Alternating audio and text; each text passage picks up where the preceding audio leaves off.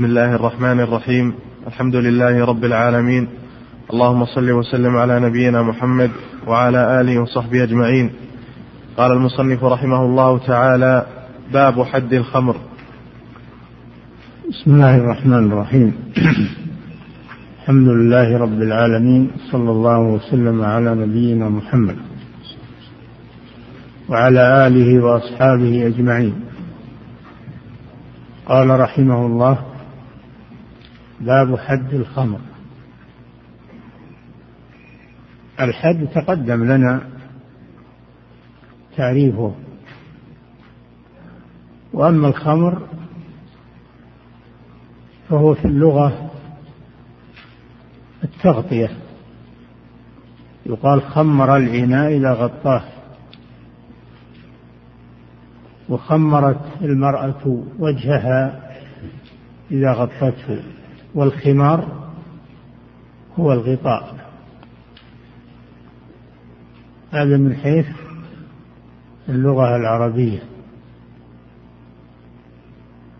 وأما في الشرع المراد بالخمر ما خامر العقل. ما خامر العقل يعني غطى العقل. الإنسان خلقه الله عاقلا. مدركا لما ينفعه وما يضره.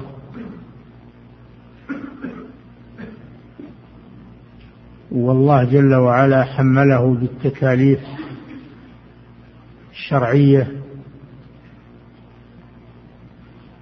ورتب على ذلك الثواب والعقاب.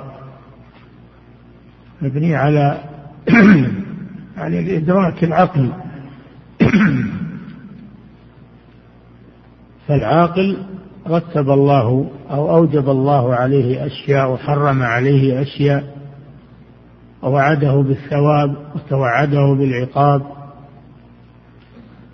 وأيضا التصرفات. تصرفاته تصح إذا كان عاقلا ولا تصح إذا كان غير عاقل. فالعقل مناط هو مناط التكاليف. ولذلك المجانين والمعتوهين ليس عليهم تكليف وضع الله عنهم التكليف أنهم ليس لهم عقول. والله جل وعلا لا يكلف نفسا إلا وسعها. فالعقل أمره مهم. ولذلك أمر الله بالمحافظة عليه وتجنب ما يخل به أو يؤثر فيه من تعاطي المسكرات والمخدرات والمفترات وكل ما يزيل العقل أو يؤثر فيه ويضعفه فإن الإنسان منهي عنه وعن تعاطيه ليبقى إنسانا كريما متميزا بعقله وإدراكه عن البهائم والحيوانات والمجانين. فهو نعمة ولهذا سماه الله حجرا. هل في ذلك قسم لذي حجر يعني ذي عقل؟ لأن العقل يحجره يعني يحميه. يسمى بالحجر ويسمى بالعقل لأنه يعقل الإنسان كما كما يعقل البعير الحبل. وكذلك العقل يعقل الإنسان عما لا يليق. ومن جملة الضرورات الخمس التي حماها الله جل وعلا بالحدود والعقوبات نعمة العقل. نعمة العقل. فإن الله أمر بحفظها ونهى عن الإخلال بها التعدي عليها.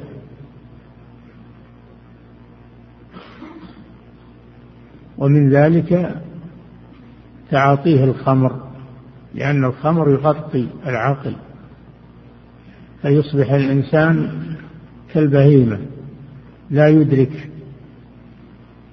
وقد يفعل الجرائم من غير شعور قد يقتل قد يفعل الفاحشة بقريبته ومن حوله وهو لا يشعر.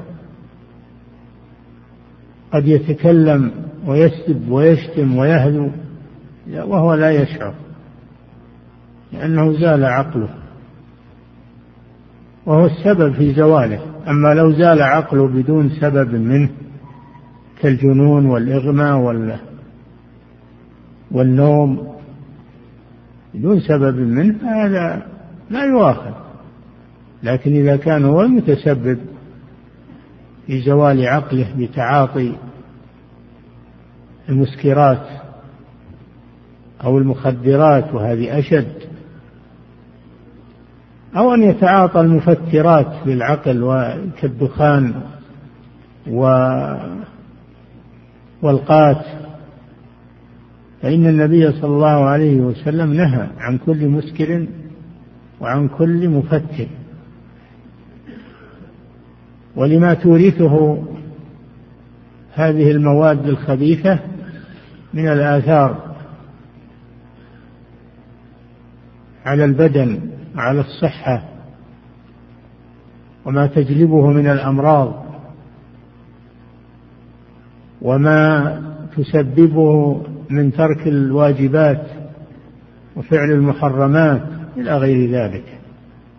من رحمة الله جل وعلا أنه صان الضرورات الخمس ومنها العقل.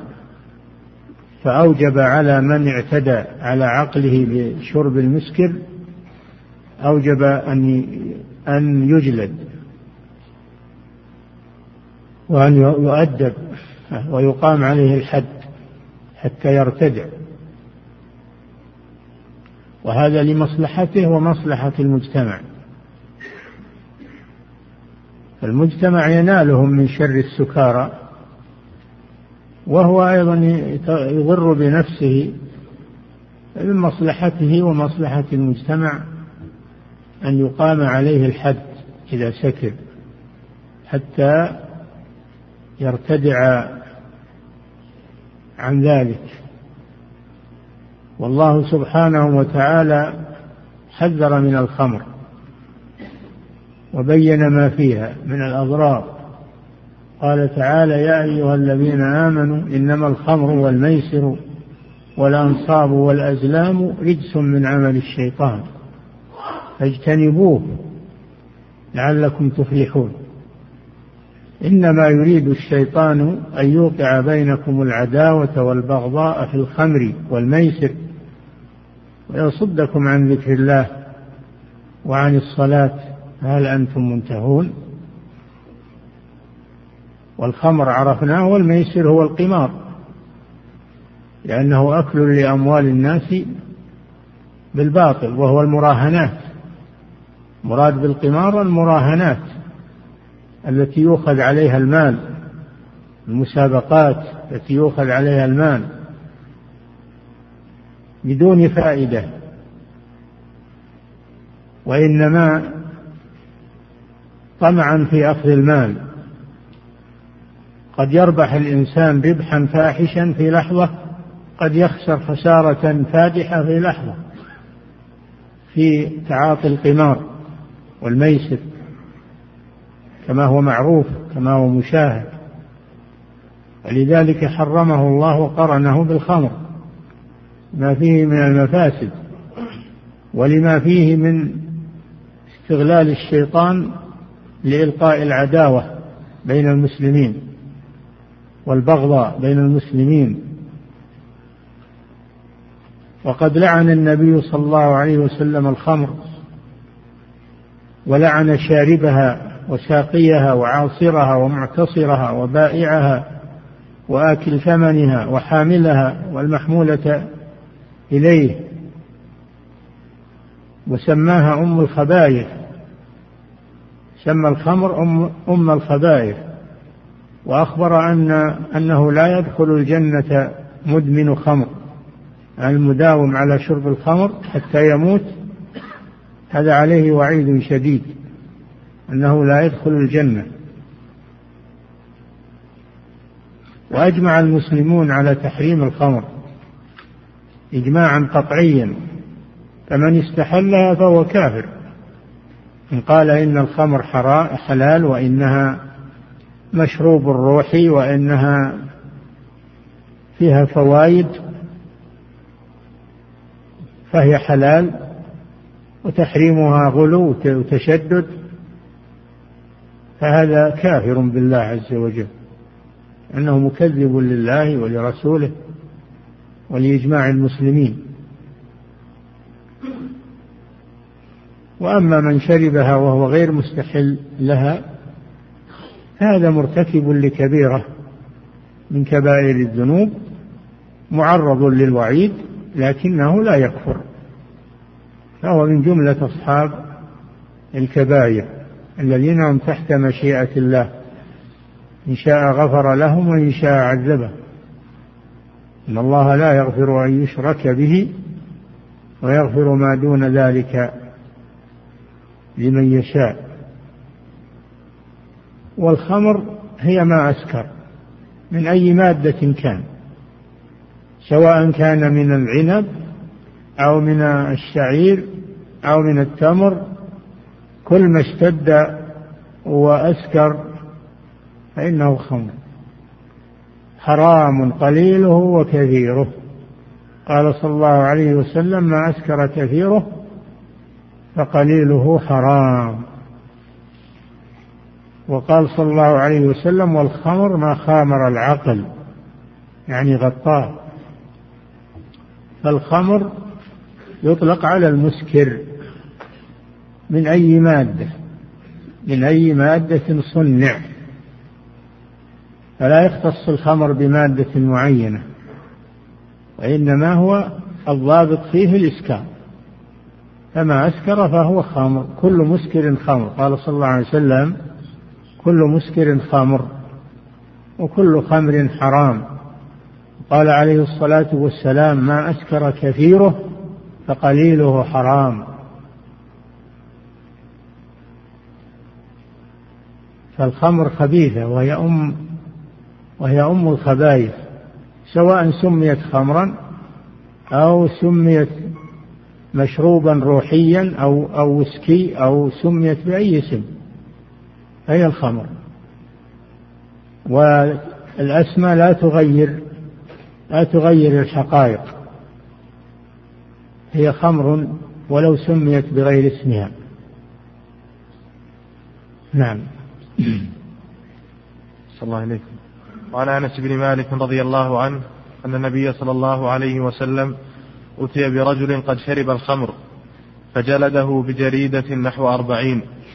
قال وفعله أبو بكر فلما كان عمر استشار الناس فقال عبد الرحمن بن عوف أخف الحدود ثمانون. فأمر به عمر رضي الله عنه. نعم. في هذا الحديث أن رجلا شرب الخمر على عهد النبي صلى الله عليه وسلم. ففيه أن المعاصي تقع في المجتمع ولو كان هذا المجتمع من أطهر المجتمعات ما ليس هناك أطهر من المجتمع الذي فيه الرسول صلى الله عليه وسلم وصحابته الكرام. ومع هذا وجد فيه من يعصي الله. وجد من يعصي الله. وجود المعصية في المجتمع هذا واقع. ولو كان هذا المجتمع مجتمعا نزيها و وملتزما بأوامر الله لا بد أن يحصل فيه من يقع في المعاصي لأن الشيطان لعنه الله يحاول إغواء بني آدم وإغراءهم في كل وقت. فليس الغرابة في أن تقع المعصية في المجتمعات الإسلامية إنما الغرابة أن تترك ولا تعالج. ويترك الأمر بالمعروف والنهي عن المنكر. ويترك إقامة الحدود. هذا هو هذا هو المستغرب. أما أن تقع المعاصي في مجتمع ما هذا شيء لا بد منه. ما كل الناس على وتيرة واحدة. يوجد فيهم المتساهل يوجد فيهم العاصي يوجد فيهم ضعيف الإيمان يوجد فيهم من يميل إلى الشهوات. الإنسان ليس معصوما. وجد من يزني في زمن النبي صلى الله عليه وسلم كما مر. وجد من يشرب الخمر كما مر. وجد من يسرق كما مر. في المجتمع على عهد النبي صلى الله عليه وسلم. لكنه كانت تقام الحدود. تقام الحدود. هذا هو المطلوب. أما إذا عطلت الحدود فإن هذه الجرائم تستشري ويفسد المجتمع ويكثر التعدي على الناس في دمائهم وأموالهم. فمن رحمة الله تشريع هذه الحدود لحماية المجتمع من الوقوع في هذه الجرائم فهي رحمة للمجتمع ورحمة للعصاة أيضا لأنهم يتوبون إلى الله عز وجل وينزجرون إذا وقعوا وقبل الوقوع يفكرون في العقوبة فيتركون هذه الجرائم. فليست الحدود وحشية كما يقوله الكفار أو يقوله من انخدع بالكفار من أبناء المسلمين ويقولون الإسلام دين التسامح الإسلام دين المسالمة أليس فيه وحشية وليس فيه إلى آخر ما يقولون. هذه ليست وحشية هذه علاج. هذه علاج. أرأيت لو أن مريضا فيه عضو فاسد فيه عضو فاسد لو لو ترك لسرى إلى جسمه وقتله هل يترك؟ ويقال قطع العضو هذا وحشية؟ لا هذا منتهى الرحمة. فيقطع العضو الفاسد ليبقى بقية الجسم. وليس هذا وحشية الوحشية لو ترك هذه هي الوحشية وعدم الرحمة. فإقامة الحدود من نعم الله ومن رحمة الله للمسلمين. هذا الرجل شرب في عهد النبي صلى الله عليه وسلم فأتي به إلى رسول الله صلى الله عليه وسلم. في هذا أن الحدود ترفع إلى ولي الأمر وليس من حد من حق كل أحد أن يقيمها. وإنما هي من صلاحيات ولي الأمر هو الذي هو يستثبتها فإذا ثبتت فإنه يقيم الحد عليها الحد المشروع. هذا من صلاحيات ولي الأمر لأن هذا الذي شرب الخمر جيء به إلى النبي صلى الله عليه وسلم. فجلده نحو من أربعين والجلد هو الضرب.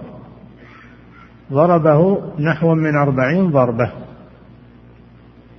ويسمى كل ضربة جلدة أربعين جلدة.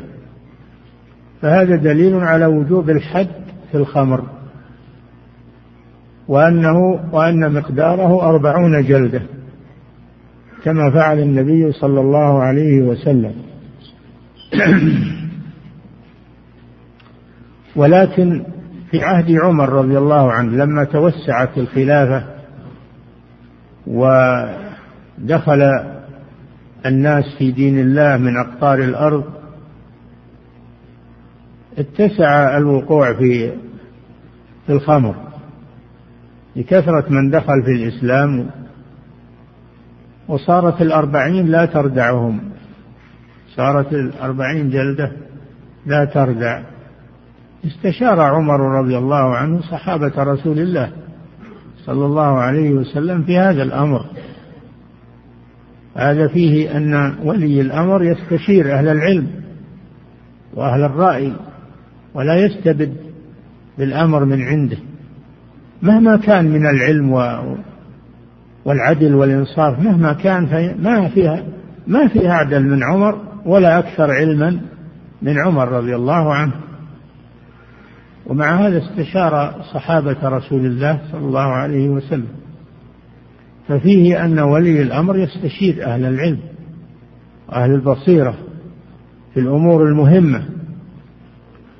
وفيه أن هذه الأمور لا يتدخل فيها كل من هب ودب وإنما هي من اختصاص أهل العلم وأهل الشان هم الذين يعالجونها وترفع إليهم الأمور العامة لا يتدخل فيها دهماء الناس والمتعالمين والجهال ويبحثون فيها. إنما هي من اختصاص ولاة الأمور والعلماء. كما قال تعالى وإذا جاءهم أمر من الأمن أو الخوف أذاعوا به ولو ردوه إلى الرسول وإلى أولي الأمر منهم لعلمه الذين يستنبطونه منهم. فهذا عمر على جلالة قدره وعلمه وحصافة رأيه استشار صحابة رسول الله صلى الله عليه وسلم. هل يبقى على الأربعين وهي لا تردع؟ كانت في عهد النبي صلى الله عليه وسلم تردع لقلة الجرائم ولكثرة الإيمان وقوة الإيمان. لكن في عهد عمر لما كثر الناس من مختلف الجنسيات ومختلف البلاد صارت الأربعين لا تردع. استشار عمر رضي الله عنه الصحابة فأشار عليه عبد الرحمن بن عوف رضي الله عنه أحد العشرة المبشرين بالجنة وأحد السابقين الأولين إلى الإسلام أشار عليه أن يجعلها ثمانين كأخف الحدود أخف الحدود حد القذف ثمانون جلدة. أشار عليه أن يجعلها ثمانين جلدة. وفي رواية أن الذي أشار عليه هو علي بن أبي طالب رضي الله تعالى عنه وقال إنه إذا وقال إنه إذا سكر هدى وإذا هدى افترى فأرى أن يجلد حد المفتري يعني القاذف فاستقر رأي الصحابة على أن يجعل حد الخمر ثمانين ويرفع من أربعين إلى ثمانين نظرا لتساهل الناس في هذا الأمر. فلا بد من التماس ما يردعهم. في حين أن رواية الحديث ليس فيها تحديد بالأربعين. قال نحوا من أربعين. نحوا من أربعين. دل على أن الأمر فيه احتمال. فيه احتمال للزيادة حسب المصلحة. واستقر الأمر على ثمانين جلدة. وهذا مذهب الجمهور. أن حد الخمر ثمانون جلدة لعمل عمر رضي الله عنه وهو الخليفة الراشد وقد قال صلى الله عليه وسلم عليكم بسنتي وسنة الخلفاء الراشدين من بعد. وعمر هو الخليفة الثاني من الخلفاء الراشدين. واستقر في وقته الجلد ثمانين جلد. هذا سنة. هذا سنة من سنة الخلفاء الراشدين. فيكون الحد ثمانين جلدة على الخمر. وذهب جماعة منهم الإمام الشافعي رحمه الله ورواية عن أحمد إلى أن حد الخمر أربعين. نظرا لما جاء في الأحاديث وأن ما فعله عمر إنما هو من باب التعزير لا من باب الحد. لا من باب الحد وإنما فعله من باب التعزير. وللإمام أن يعزر حسب ما يرى فيه المصلحة. لكن الحد الرسمي أربعون جلدة. وإذا رأى إمام المسلمين الزيادة فيكون هذا من باب التعزير لا من باب الحد. وهذا قول ثالث في المسألة. تكون الأقوال ثلاثة. أولا أن حد الخمر ثمانين كما هو قول الجمهور. ثانيا أنه أربعون ولا يزاد.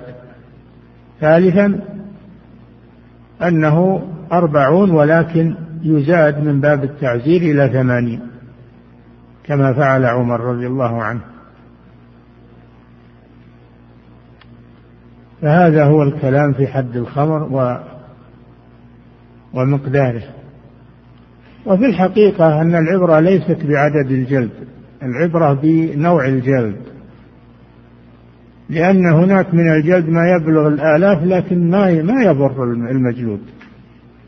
ما يضر المجلود إنما هو شكلي فقط. فهذا لا عبرة بكثرة العدد. ومن الجلد ما هو يسير لكنه مؤلم. فيردع فيردع الإنسان. فينبغي العناية بالجلد. فلا يتساهل فيه. لا يكون شديدا بحيث يجرح أو يكسر العظم.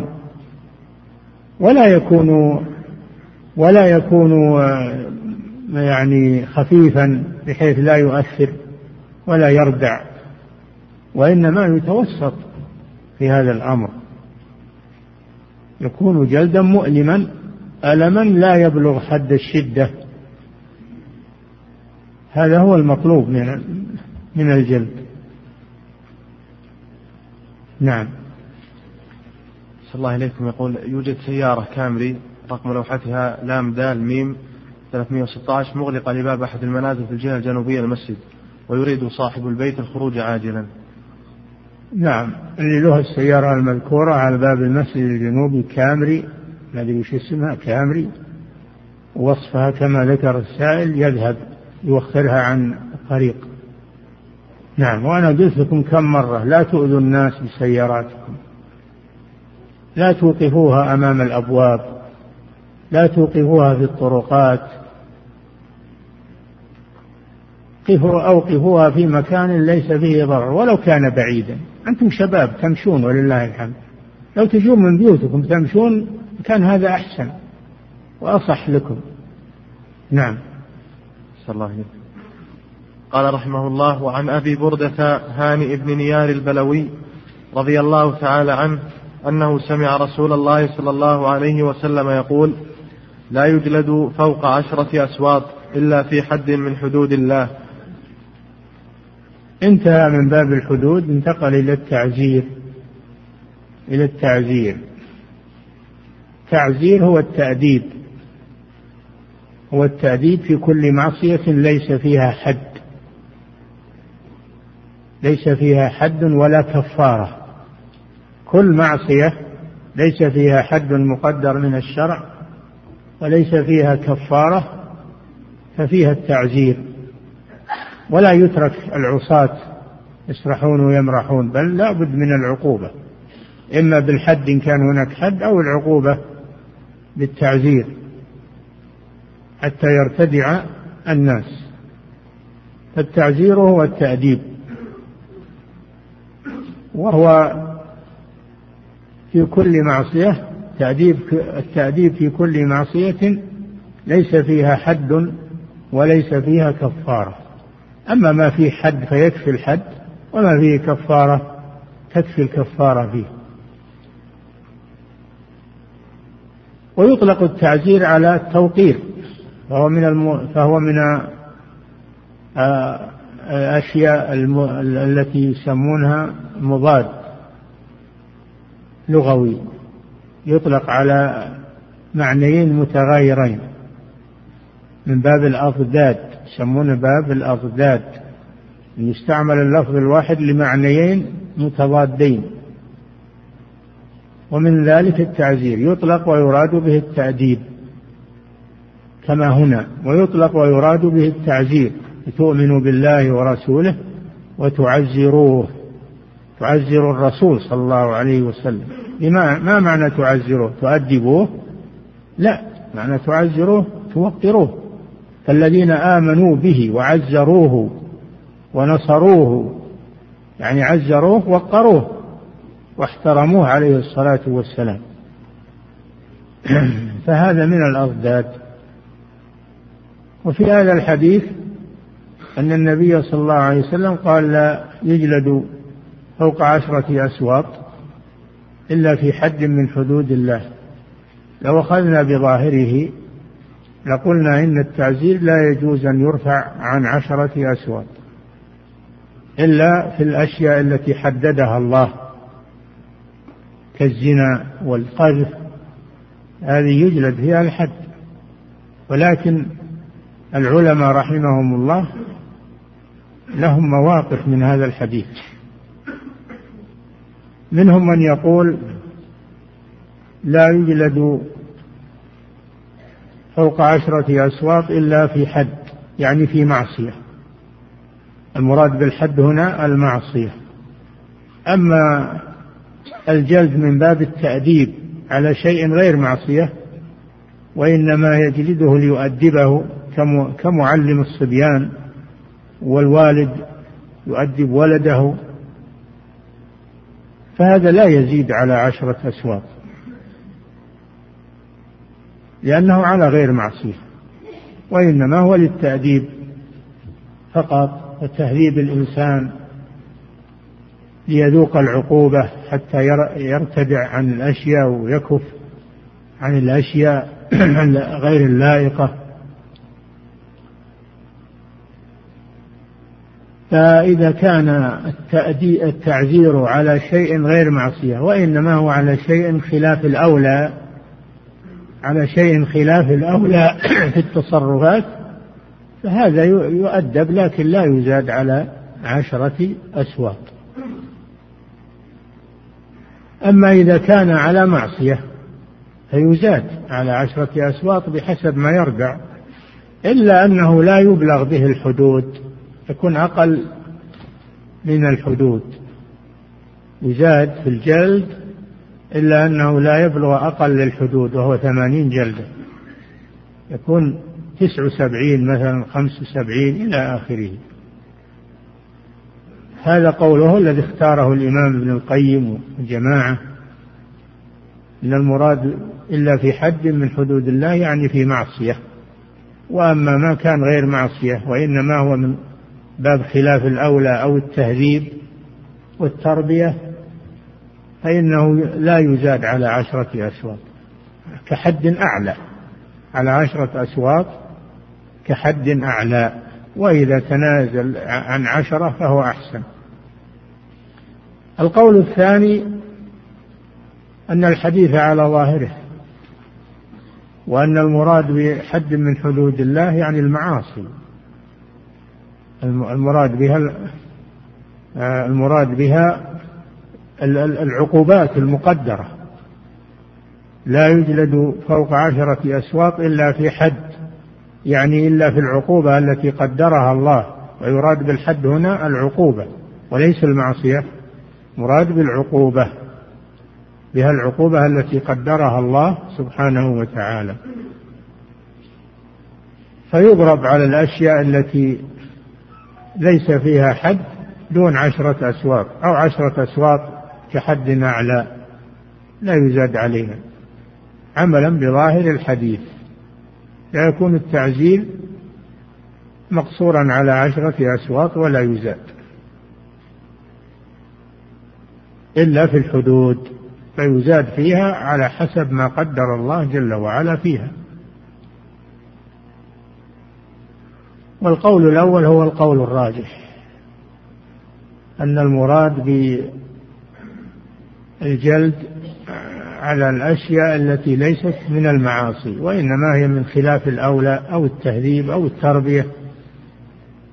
وأما ما كان معصية فإن ولي الأمر يزيد في الجلد على حسب ما يردع وتحصل به المصلحة. التعزير يختلف. التعزير يختلف منه ما يكفي فيه الكلام والتعنيف ومنه ما يحصل بإخراجه من المجلس طرده من المجلس ومنه ما يحصل بالهجر ترك الكلام معه.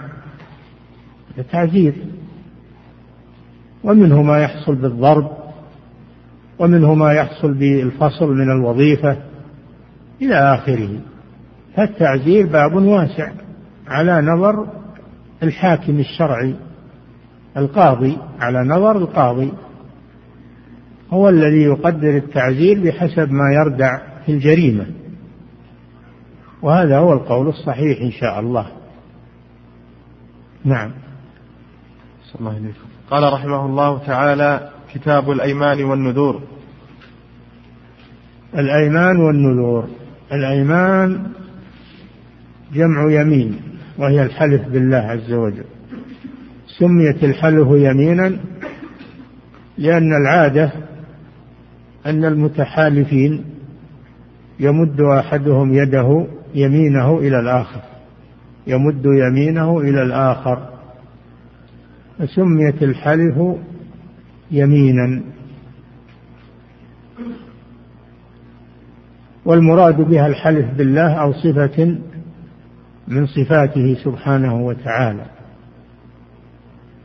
فاليمين هي تأكيد الأمر بذكر معظم اليمين والقسم بمعنى واحد هي تأكيد الشيء بذكر معظم على صفة مخصوصة. هذا هو القسم وهو اليمين. تأكيد أمر بذكر معظم على صفة مخصوصة. نعم. وعن عبد الرحمن بن سمرة قال قال رسول الله صلى الله عليه وسلم يا عبد الرحمن بن سمرة لا تسأل الإمارة فإنك إن أعطيتها عن مسألة وكلت إليها وإن أعطيتها عن غير مسألة أعنت عليها وإذا حلفت على يمين فرأيت غيرها خيرا منها فكفر عن يمينك وأت الذي هو خير.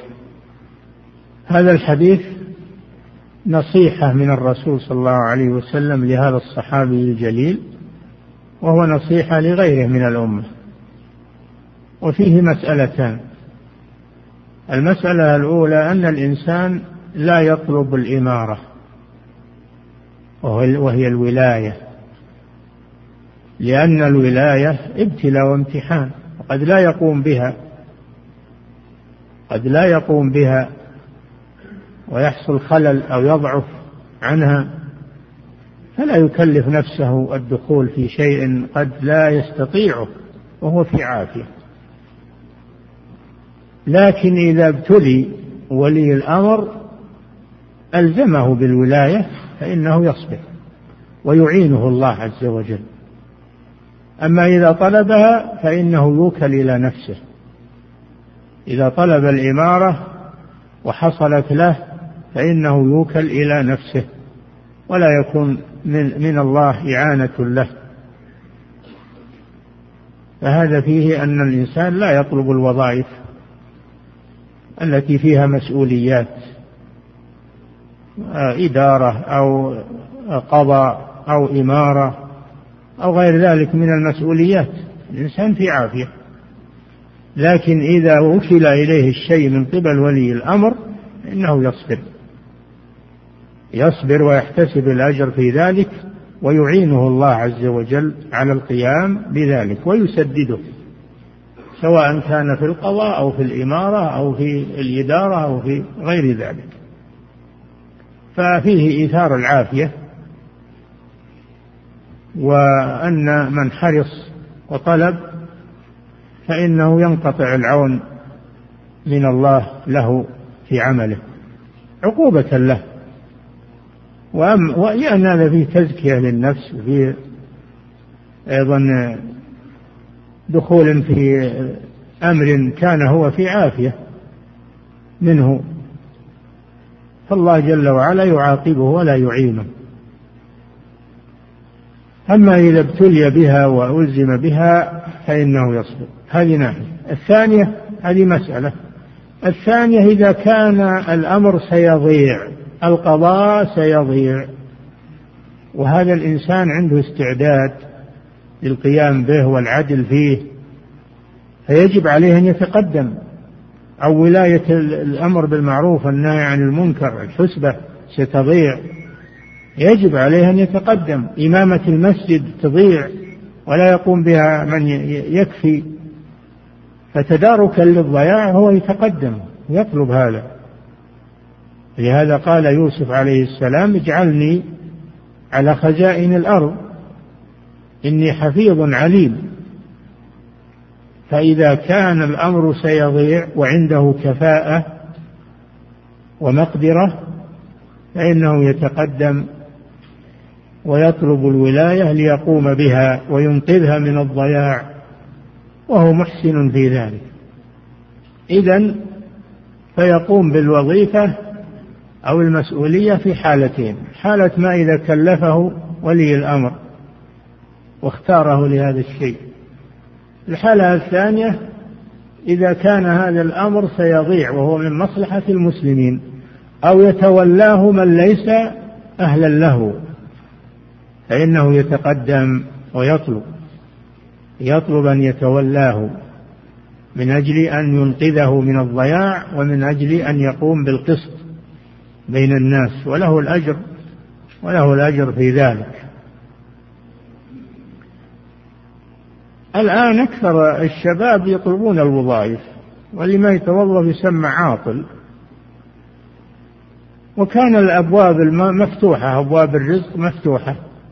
لو راحوا يبيعون ويشرون أو يحترفون أو يدورون أعمال تليق بهم ويشتغلون فيها أحسن من الوظيفة. يسمونها الأعمال الحرة. فينبغي هذا. ينبغي إن, إن الشباب لا يتوقفون عند الوظيفة. أنهم يطلبون الرزق من وجوهه وأما التوقف عند الوظيفة فهذا عجز. هذا عجز والوظائف ما يمكن أنها إنها تغطي جميع الأفراد. ما يمكن هذا. فعلى فعلى الشاب والقوي الذي عنده استعداد أن لا يضيع أن لا يضيع كفاءته وينتظر الوظيفة بل يطلب الرزق من مجالات كثيرة وهي أيسر من الوظيفة وأكثر فائدة. من الوظيفة ولا يتعطل الإنسان. هذه مسألة. المسألة الثانية وهي محل الشاهد للباب. قوله وإذا حلفت على يمين فرأيت غيرها خيرا منها. يعني رأيت نقض اليمين أحسن من التزام اليمين. هو الواجب أن يبر الإنسان بيمينه وأن يحافظ على يمينه. إلا إذا رأى أن عدم الاستمرار في اليمين أحسن فإنه يأتي الذي هو خير ويكفر عن يمين. ينقض اليمين ينقض اليمين ويأتي الذي هو خير. الذي حلف على تركه الذي حلف على تركه. كأن حلف لا يزور أقاربه لا يصل رحمه. لا يتصدق. فهذا حلف على منع الخير. فهذا لا يجوز له الاستمرار في اليمين بل عليه أن ينقضها وأن يكفر عن يمينه. يا أيها النبي لم تحرم ما أحل الله لك؟ تبتغي مرضات أزواجك. الله غفور رحيم. قد فرض الله لكم تحلة أيمانكم. يعني ما يحل هذه الأيمان وهي الكفارة. وهي الكفارة. فإذا كان نقض اليمين خيرا من المضي فيها فإنك تكفرها وتأتي الذي هو خير. وهذا ما أرشد إليه النبي صلى الله عليه وسلم بقوله وبفعله. وبفعله. كان صلى الله عليه وسلم إذا حلف على أمر فرأى غيره خيرا منه كفر عن يمينه وأتى الذي هو خير.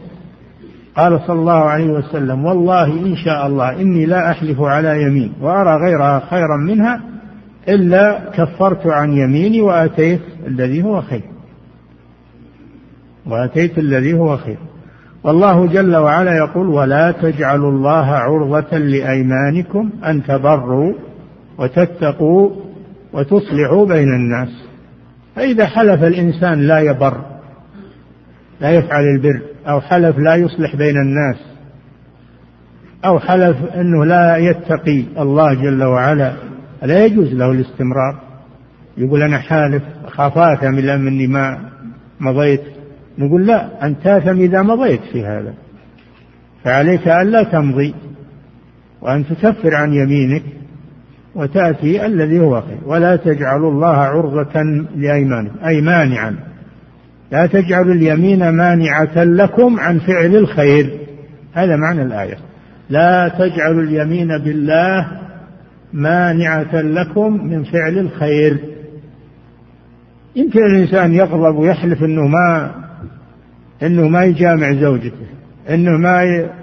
أنه ما يبر بوالديه أنه ما يزور أقاربه أنه ما يصل أرحامه. ما يجوز له هذا. عليه أنه يكفر. يبادر بالتكفير ويفعل الخير. أن تبروا وتتقوا وتصلحوا بين الناس. والله سميع عليم. نعم. وعن أبي موسى رضي الله تعالى عنه قال قال رسول الله صلى الله عليه وسلم إني والله إن شاء الله لا أحلف على يمين فأرى غيرها خيرا منها إلا أتيت الذي هو خير وتحللتها. هذا مثل ما سبق.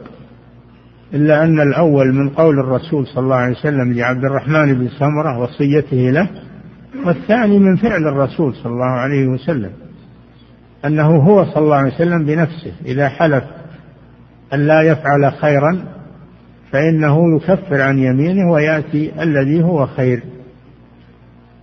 هذه سنته صلى الله عليه وسلم وهذه طريقته. فيجب الاقتداء به في ذلك عليه الصلاة والسلام. نعم. وعن عمر بن الخطاب رضي الله عنه قال قال رسول الله صلى الله عليه وسلم إن الله ينهاكم أن تحلفوا بآبائكم ولمسلم فمن كان حالفا فليحلف بالله أو ليصمت. وفي رواية قال عمر فوالله ما حلفت بها منذ سمعت رسول الله صلى الله عليه وسلم ينهى عنها ذاكرا ولا آثرا. آثرا يعني حاكيا عن غيري أنه حلف بها. نعم. كانوا في الجاهلية وفي أول الإسلام كانوا يحلفون بآبائهم. كانوا يحلفون بآبائهم. فنهى النبي صلى الله عليه وسلم عن ذلك ونسخ ما كان في أول الإسلام فنهي عن الحلف بغير الله لأن الحلف تعظيم تعظيم للمحلوف به ولا يجوز التعظيم إلا لله عز وجل. ولهذا جاء في الحديث الآخر من حلف بغير الله فقد كفر أو أشرك. والمراد الشرك الأصغر أو الكفر الأصغر. فلا يجوز الحلف إلا بالله. من كان حالفا من كان حالفا شوف من كان حالفا وإلا الإنسان ما يحرص على الحلف. لكن من كان حالفا ولا بد فلا يحلف إلا بالله عز وجل أو ليصمت. وهذا أولى أنه يصمت أولى ويترك الحلف. لكن لو حلف يحلف بالله عز وجل. لا تحلفوا بآبائكم. هذا نهي عما كان عليه الأمر قبل. من كان حالفا فليحلف بالله أو ليصمت. فهذا فيه تحريم الحلف بغير الله عز وجل. كالحلف بالكعبة أو بالرسول أو بالمسيح أو الحلف بأي مخلوق. لا يجوز الحلف بالمخلوق وإنما يحلف بالخالق سبحانه وتعالى. هذا الذي استقر عليه الأمر في الإسلام. فالحلف بغير الله شرك كما في الحديث أو كفر. والمراد الشرك الأصغر أو الكفر الأصغر إلا إذا قصد تعظيم المحلوف به كما يعظم الله فإنه شرك أكبر. كحلف أصحاب القبور بالأضرحة أو قد يحلفون بالله يتساهلون بالحلف بالله ولا يتساهلون بالحلف بالميت. يخافون من الميت. وإذا قيل له احلف بما بمن تعظمه اضطرب وخاف أن الميت يصيبه فأبى أن يحلف. لكن إذا قيل له احلف بالله على طول لأنه لا يخاف الله. هذا شرك أكبر. أما إذا كان من المسلم المؤمن وحلف بغير الله هذه معصية وكبيرة من كبائر الذنوب لكنها شرك أصغر وكفر أصغر. وعلى المسلم أن يتوب إلى الله وأن يترك هذه العادة القبيحة والحلف بالأصنام باللات أو بالعزى أو بمنات أو بكل ما يعبد من دون الله هذا أشد. هذا أشد. والحلف بالإنسان العادي أو الشيء العادي هذا محرم أيضا. كالذي يحلف بأبيه أو بأمه أو ب أو بالأمانة أو غير ذلك أو بالرسول. فلا يجوز الحلف إلا بالله. من كان حالفا فليحلف بالله أو ليصمت. فليحلف بالله أو ليصمت. الله جل وعلا يقول واحفظوا أيمانكم. يعني لا تحلفوا. وقيل احفظوا أيمانكم لا تتركوها بدون كفارة إذا حنفتم لأنه يجب تعظيم اليمين بالله عز وجل. فإن قال قائل أليس ورد في بعض الأحاديث أن الرسول قال أفلح وأبيه إن صدق؟ أفلح وأبيه فحلف الرسول بأبي الشخص فيقال هذا كان في أول الأمر ثم نسخ بعد ذلك فيكون هذا الحديث الذي معنا ناسخا يكون ناسخا لما كان من قبل. سؤال آخر قد يقول قائل الله جل وعلا في القرآن حلف بالمخلوقات والتين والزيتون طور سينين لعمرك أقسم بحياة الرسول صلى الله عليه وسلم فالله حلف بالمخلوقات. فما الجواب؟ نقول هذا خاص بالله جل وعلا فإن الله يحلف من خلقه بما يشاء. أما نحن فلا يجوز لنا أن نحلف إلا بالله نحلف إلا بالله عز وجل. نعم. وفي رواية قال عمر وقوله لا ذاكرا ولا آثرا يعني لا أبدأ أنا بها الحلف بغير الله. منذ سمع الرسول صلى الله عليه وسلم ينهى عن ذلك امتنع. فلا يحلف ذاكرا هو ولا آثرا عن غيره أي ذاكرا عن غيره أنه حلف بغير الله. هذا من ورعه رضي الله عنه والتزامه بما أمر به الشارع ونهى عنه.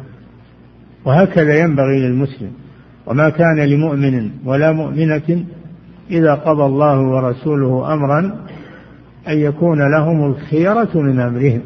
من يعص الله ورسوله فقد ضل ضلالا مبينا. الإنسان إذا بلغه حديث رسول الله صلى الله عليه وسلم فعليه أن يبادر بالامتثال. يبادر بالامتثال. هذا هو الواجب على المسلم ولا يتثاقل ويتأخر أو يتساءل لماذا لماذا أو هذا لا يجوز. أنت مؤمن وأمرك الرسول صلى الله عليه وسلم قل سمعا وطاعة. قل سمعا وطاعة وبادر بالامتثال. هذا عمر منذ سمع نهي الرسول صلى الله عليه وسلم امتنع من الحلف بغير الله. نعم.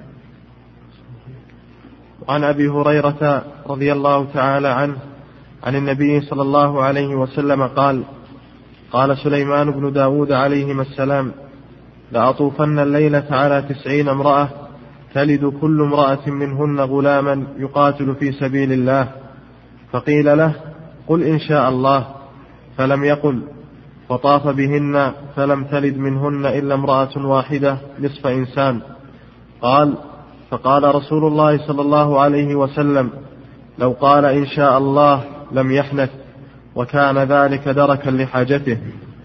قوله قيل له قل إن شاء الله يعني قال له الملك. هذا الحديث في الاستثناء في اليمين وهذا يأتي إن شاء الله. ما يتسع الوقت للكلام عليه الآن نؤجله. نعم. صلى الله عليكم. سماحة الوالد يقول السائل هل يفهم من حديث أنس من زيادة عمر رضي الله تعالى عنه لحد الخمر إلى ثمانين جلدة أنه متى ما دعت الحاجة إلى الزيادة في الحدود زيد فيها كما لو لم يرتدع الناس اليوم بالثمانين فيزيد؟ أم يقال أنه خاص بعمر رضي الله تعالى عنه؟ لا ما يزاد على الحدود. الحدود المقدرة لا يجوز لا يجوز الزيادة عليها ولكن يكرر عليه الحد. كل ما وقع في الجريمة يكرر عليه الحد ولا يزاد. لا يزاد الحد. لكن قضية فعل عمر رضي الله عنه في لأن حد الخمر محل احتمال. محل محل احتمال لأن فيه أنه نحو من أربعين ولا ولم يحدد أربعين. فيه أنه منهم الضارب بالعصا ومنهم الضارب بالثوب ومنهم الضارب بالنعل. ففيه احتمال يعني حد الخمر فيه احتمال. فلذلك صار قابلا للبحث من عمر رضي الله عنه. أما الحدود التي تقررت هذه لا يجوز التغيير فيها ولا الزيادة فيها لا من عمر ولا من غيره. نعم. صلى الله إليكم سماحة الوالد. يقول السائل هل يفهم من قوله في الحديث نحو أربعين أنها تقارب الأربعين وليست أربعين جلدة؟ احتمال هذا احتمال. قلنا لكم من هذا احتمال. فهو ليس فيه تحديد واضح. نعم. صلى الله عليكم سماحة الوالد. يقول السائل هل يفهم من ورود الأحاديث في مقدار النصاب الموجب لحد السرقة مرة ثلاثة دراهم وفي الحديث وفي حديث آخر ربع دينار؟ أن الثلاثة دراهم تساوي ربع دينار. قيل هذا نعم.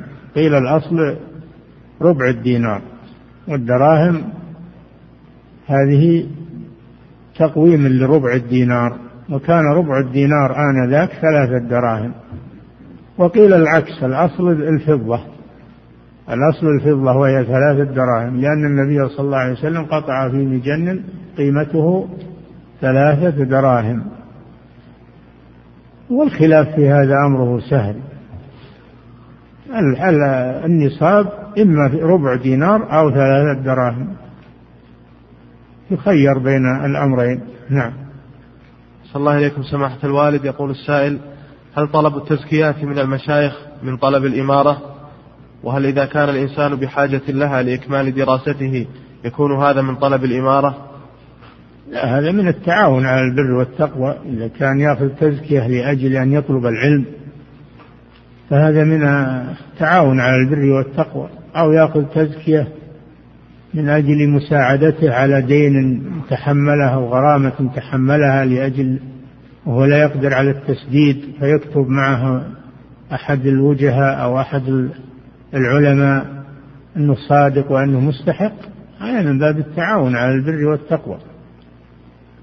أما إذا كان يكتب معه أنه أنه يستحق الوظيفة أو يستحق الولاية وهو لا يدري عنه هذا لا يجوز. أنه يزكيه وهو ما يدري عنه.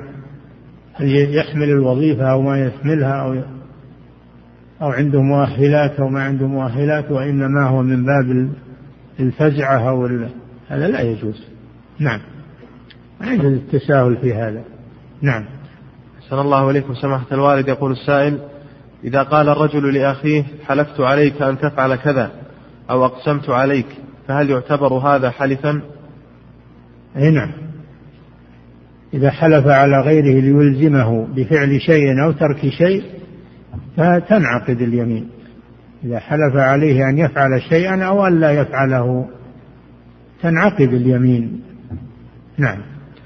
صلى الله عليكم سماحة الوالد يقول السائل ما حكم قول بذمتي أو بذمتك؟ لا يجوز هذا. لا يجوز الحلف بالذمة ولا بالأمانة. لا يجوز الحلف بغير الله مطلقا. نعم. صلى الله عليكم. يقول في تتمة سؤاله وهل الذمة صفة من صفات الله يجوز الحلف بها؟ ما قال وذمة الله؟ قال ذمتي ذمة العبد الإنسان. ما يجوز هذا. نعم. صلى الله عليكم. سماحة الوالد يقول بعض الناس أن القاتا له فوائد ويقولون إنه يخفف مرض السكر عندهم. فهل هذا صحيح؟ الله جل وعلا قال في الخمر قل فيهما آه، يسألونك عن الخمر والميسر قل فيهما آه، منافع قل قل قل نعم. قل, قل فيهما إثم كبير ومنافع للناس وإثمهما أكبر من نفعهما. ومجرد وجود نفع في الشيء لا يبيحه إذا كان ضرره أكثر من منفعته. والقاعدة أنه إذا كان الشيء ضررا محضا أو ضرره أكثر من نفعه أو مساويا لنفعه إنه لا يحل. إذا كان ضرره خالصا أو ضرره أكثر من نفعه أو ضرره مساو لنفعه فإنه حرام لا يجوز. ولا ذكر أن القات فيه فائدة. مثل الدخان كله ضرر محض ما فيه فائدة. من اللي يقول إن فيه فائدة؟ إنه ينشط الإنسان ينشطه ثم بعدين يكسله.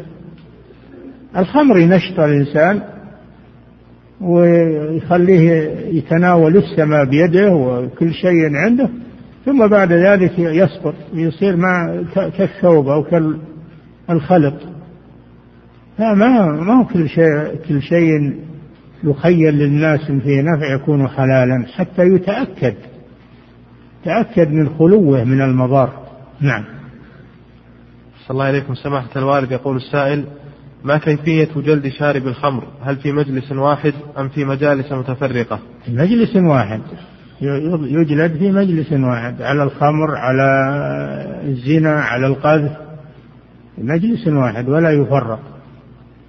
لكن لكن قد يخفف الحد إذا كان مريضا ولا يتحمل قد يخفف الضرب عنه. لا يخفف في العدد وإنما يخفف الصفة. خذ بيدك ضغثا أضرب به ولا تحنث. يخفف في الصفة لا في العدد. نعم.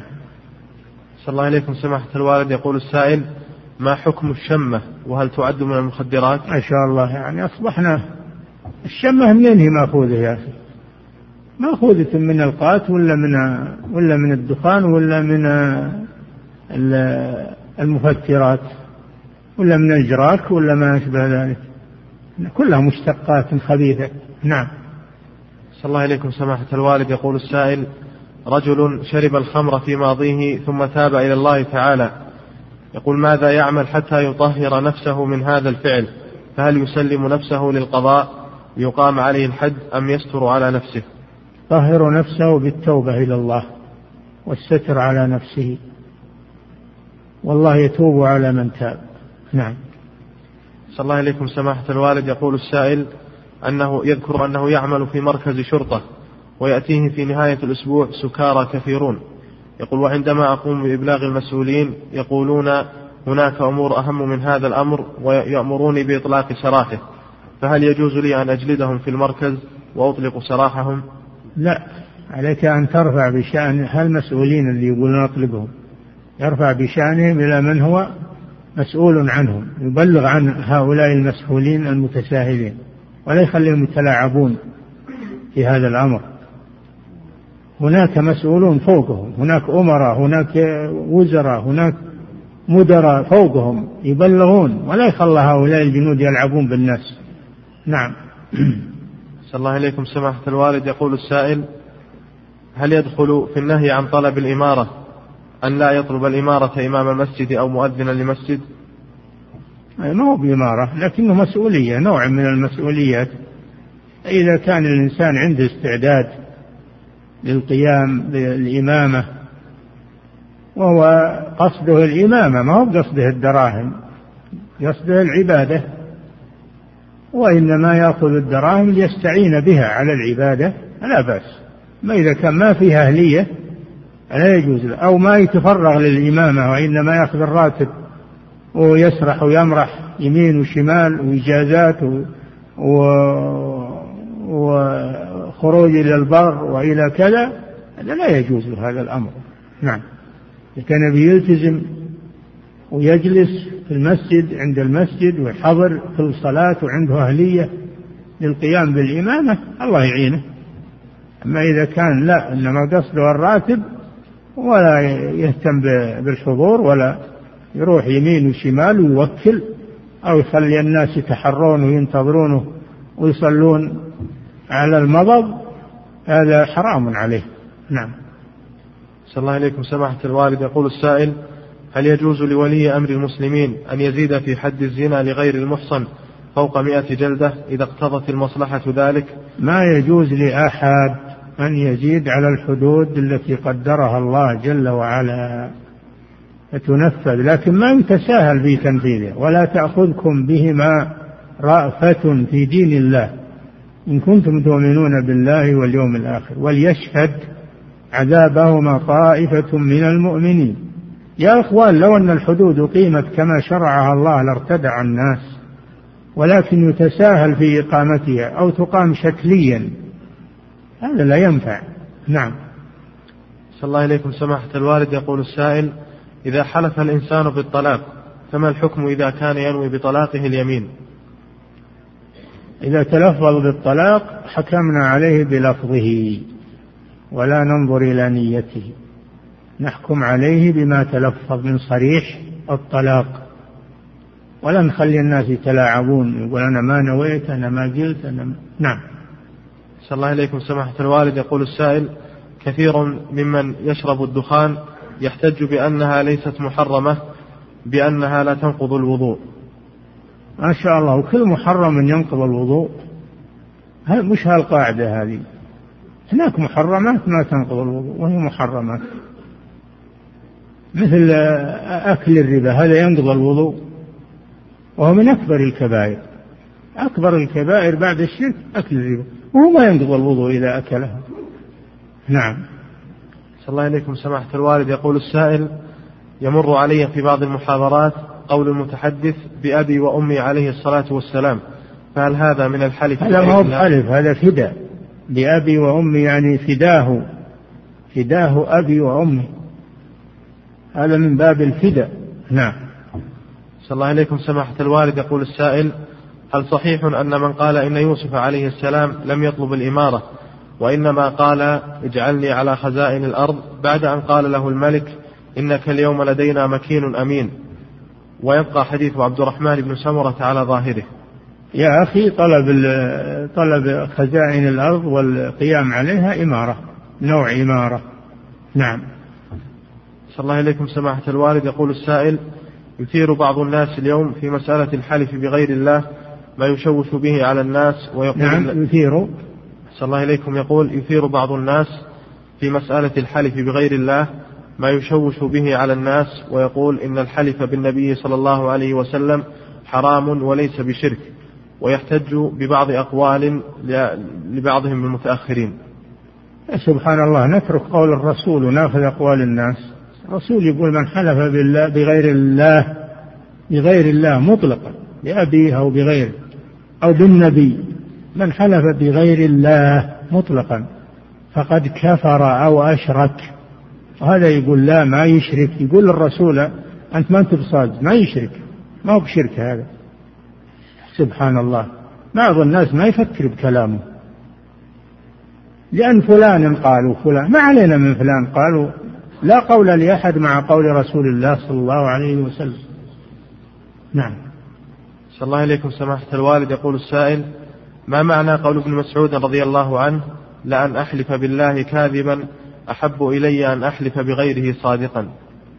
نعم. الحلف بغير الله جريمة كبرى أشد من الكذب في اليمين. كذب من اليمين حرام في اليمين حرام كبيرة. لكن الحلف بغير الله أكبر لأنه شرك.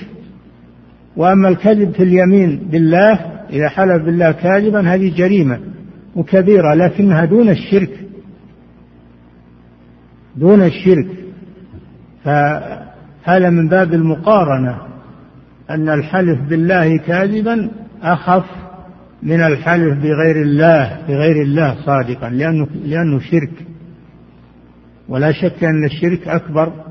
من المعصية. نعم. صلى الله عليك سماحة الوالد يقول السائل يقول بعض الناس علي الملازيم. نعم. يقول بعض الناس علي الملازيم. ملازيم؟ نعم عليه يقول ويقصد بها الشيء الذي أصبح لازما عند الرجال والقبيلة فهو بمثابة العرف بينهم. هذا يحتاج نرجع للقاموس هؤلاء. أن ما نعرف كلام هؤلاء يحتاج مترجمين ويحتاج إلى نعم. صلى الله إليكم سماحة الوالد يقول السائل هل يجوز استعمال المسكر في الدواء إذا اضطر له ولم يوجد بديل له من الأدوية المباحة؟ لا. المسكر ليس فيه دواء وإنما هو داء بنص الرسول صلى الله عليه وسلم. جاء إليه رجل وقال إنه يصنع الخمر للدواء يستأذن الرسول صلى الله عليه وسلم فلم يأذن له. وقال أما إنها داء وليست دواء. اللي يقول إن الخمر فيها دواء؟ كذاب ما فيها دواء. نعم. صلى الله إليكم سماحة الوالد يقول السائل هل يصل التعزير إلى حد القتل؟ نعم قد يصل إلى حد القتل. على قول الجمهور إن, إن الإمام أو ولي الأمر ينوع التعزير بما يردع الناس. حتى ولو بالقتل. نعم. صلى الله عليكم سماحة الوالد يقول السائل ذكر في تعريف الحلف عبارة بذكر معظم. يقول أليس الأولى أن يقال بذكر الله أو صفة من صفاته؟ هذا من حيث اللغة يا أخي ما هو من حيث الشرع. هذا من حيث الشرع هو هو الحلف هو القسم هو الحلف بالله وصفة من صفاته من حيث الشرع. لكن من حيث اللغة هو تأكيد أمر بذكر معظم. هذا من حيث اللغة. لا تخلط بين هذا وهذا. نعم. صلى الله عليكم سماحة الوالد يقول السائل ما هي الفروق بين اليمين والنذر؟ اليمين بالله والنذر هو أن يلتزم الإنسان عبادة لله عز وجل لا تجب عليه بأصل الشرع. نعم. صلى الله عليكم سماحة الوالد يقول السائل أنا شاب تبت إلى الله بعد أن كنت أستغيث بالشيطان في وقت الشدة مع علمي بخطر ذلك الذنب. الشيطان هو اللي يوقعك في الشدة فكيف تستغيث به؟ لكن التوبة من تاب إلى الله تاب الله عليه مهما كان ذنبه. فعليك بالتوبة إلى الله واحمد الله أنه وفقك لمعرفة الحق والتوبة إلى الله وأحسن العمل وأبشر بالخير إن شاء الله. نعم. صلى الله عليكم. سماحة الوالد يقول السائل أعمل مدرس في إحدى المدارس وقد ذهبت بمجموعة من الطلاب إلى أحد المراكز التي تهتم بالآثار. يقول وكان داخل هذا المركز تمثال. فقال لي أحد التلاميذ أأسجد لهذا الصنم؟ فنهرته وقلت له استغفر ربك. يقول فهل هذه المقولة التي قال هذا الطالب تخل بإسلامه؟ أول اسأل عنك أنت ليش تروح بهم؟ لهذه الآثار اللي فيها أصنام. أنت المسؤول عنهم ولا, ولا يجوز لك هذا. وهم في ذمتك. وهم في ذمتك. فعلك هذا حرام عليك التوبة إلى الله. ولا تعود لمثل هذا. لا تروح بهم المحلات المعاصي محلات الأصنام والأوثان. وأما هذا الطالب الجاهل إذا قال هذا وبين له ترك هذا الشيء فليس عليه شيء. اجعل لنا إلها كما لهم آلهة لم يحصل عليهم شيء لأنهم لم يعملوا.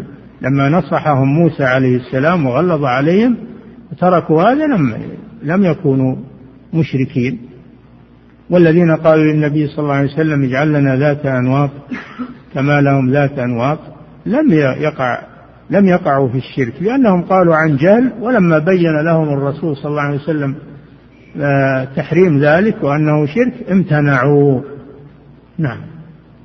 صلى الله عليكم. سماحة الوالد يقول السائل من كانت دراسته في الجامعة ولا مجال لصاحبها في العمل إلا نعم. في يقول أحسن الله إليكم. من كانت دراسته في الجامعة ولا مجال لصاحبها في العمل إلا في وظيفة إدارة أو تدريس فهل يقدم مؤهلاته على الديوان لتعيينه؟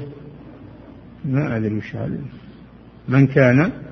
يقول أحسن الله إليكم من كانت دراسته في الجامعة. في الجامعة نعم. ولا مجال لصاحبه إلا صاحبه لصاحب العمل أو صاحب الشهادة. دراسته يعني يدرس الآن ولا متخرج؟ نعم أحسن الله يقول يدرس إذا تخرج ليس له عمل إلا في الإدارة. إذا تخرج يكون خير إن شاء الله. يصبر لما يتخرج ويكون خير. نعم. صلى الله عليكم سماحة الوالد يقول السائل ما معنى قول عمر رضي الله تعالى عنه ما حرصت على الإمارة إلا يومئذ؟ لحرصه على الخير لما أخبر النبي صلى الله عليه وسلم أنه يأخذ الراية غدا رجل يحب الله ورسوله ويحبه ويحب الله ورسوله ويحبه الله ورسوله. عمر تطلع إلى هذا الفضل. ما يريد الإمارة وإنما يريد هذا الفضل وهو نيل محبة الله ومحبة رسول الله. صلى الله عليه وسلم. نعم. صلى الله عليكم سماحة الوالد. يقول السائل ما حكم إقامة صلاة الاستسقاء في المدارس؟ صلاة الاستسقاء كما فعلها الرسول صلى الله عليه وسلم وأمر بها أن يخرج الناس إلى المصليات ويجتمعون ويصلون جميعا ولا يتفرقون بالمدارس أو بالبيوت أو بالدوائر. هذا خلاف السنة. السنة أنهم يخرجون ويجتمعون يصلون جميع. نعم ويدعون جميع. نعم. صلى الله عليكم سماحة الوالد يقول السائل هل يشرع قلب الغترة أو الشماغ بعد صلاة الاستسقاء؟ أم أن ذلك خاص بالرداء فقط؟ هذا خاص بالرداء وما يقوم مقام الرداء مثل البشت أو الكوت أو أما الذي على الرأس فلا فليس لا يسمى رداء. اللي على الرأس ما يسمى رداء يسمى غطاء الرأس. لكن إذا فعله من باب يعني الرغبة في الخير والرغبة في الاقتداء نرجو أن أنه يثاب على هذا. نعم. صلى الله عليكم سماحة الوالد تقول السائلة إنها امرأة تابت قريبا ومنذ قرابة أربع سنوات كانت تترك الصيام في رمضان ولا تقضيه بعده جهلا منها. تقول ولا أعرف عدد هذه الأيام وأصوم الاثنين والخميس تطوعا فهل تكفي هذه عن قضاء تلك الأيام؟ إذا كانت مع تركها للصيام تترك الصلاة لا تصوم ولا تصلي. فهذه ليست مسلمة. حتى لو صامت ما يجيها الصيام. أما إذا كانت لا محافظة على الصلاة ولكنها تترك الصيام ثم تابت فعليها القضاء. يجب عليها القضاء. وإذا كانت لا تعرف الأيام تقدرها وتجتهد في تقديرها وتصوم. ولا يجزي صوم الاثنين والخميس عن القضاء. نعم. انتهى. الله تعالى أعلم وصلى الله وسلم على نبينا محمد.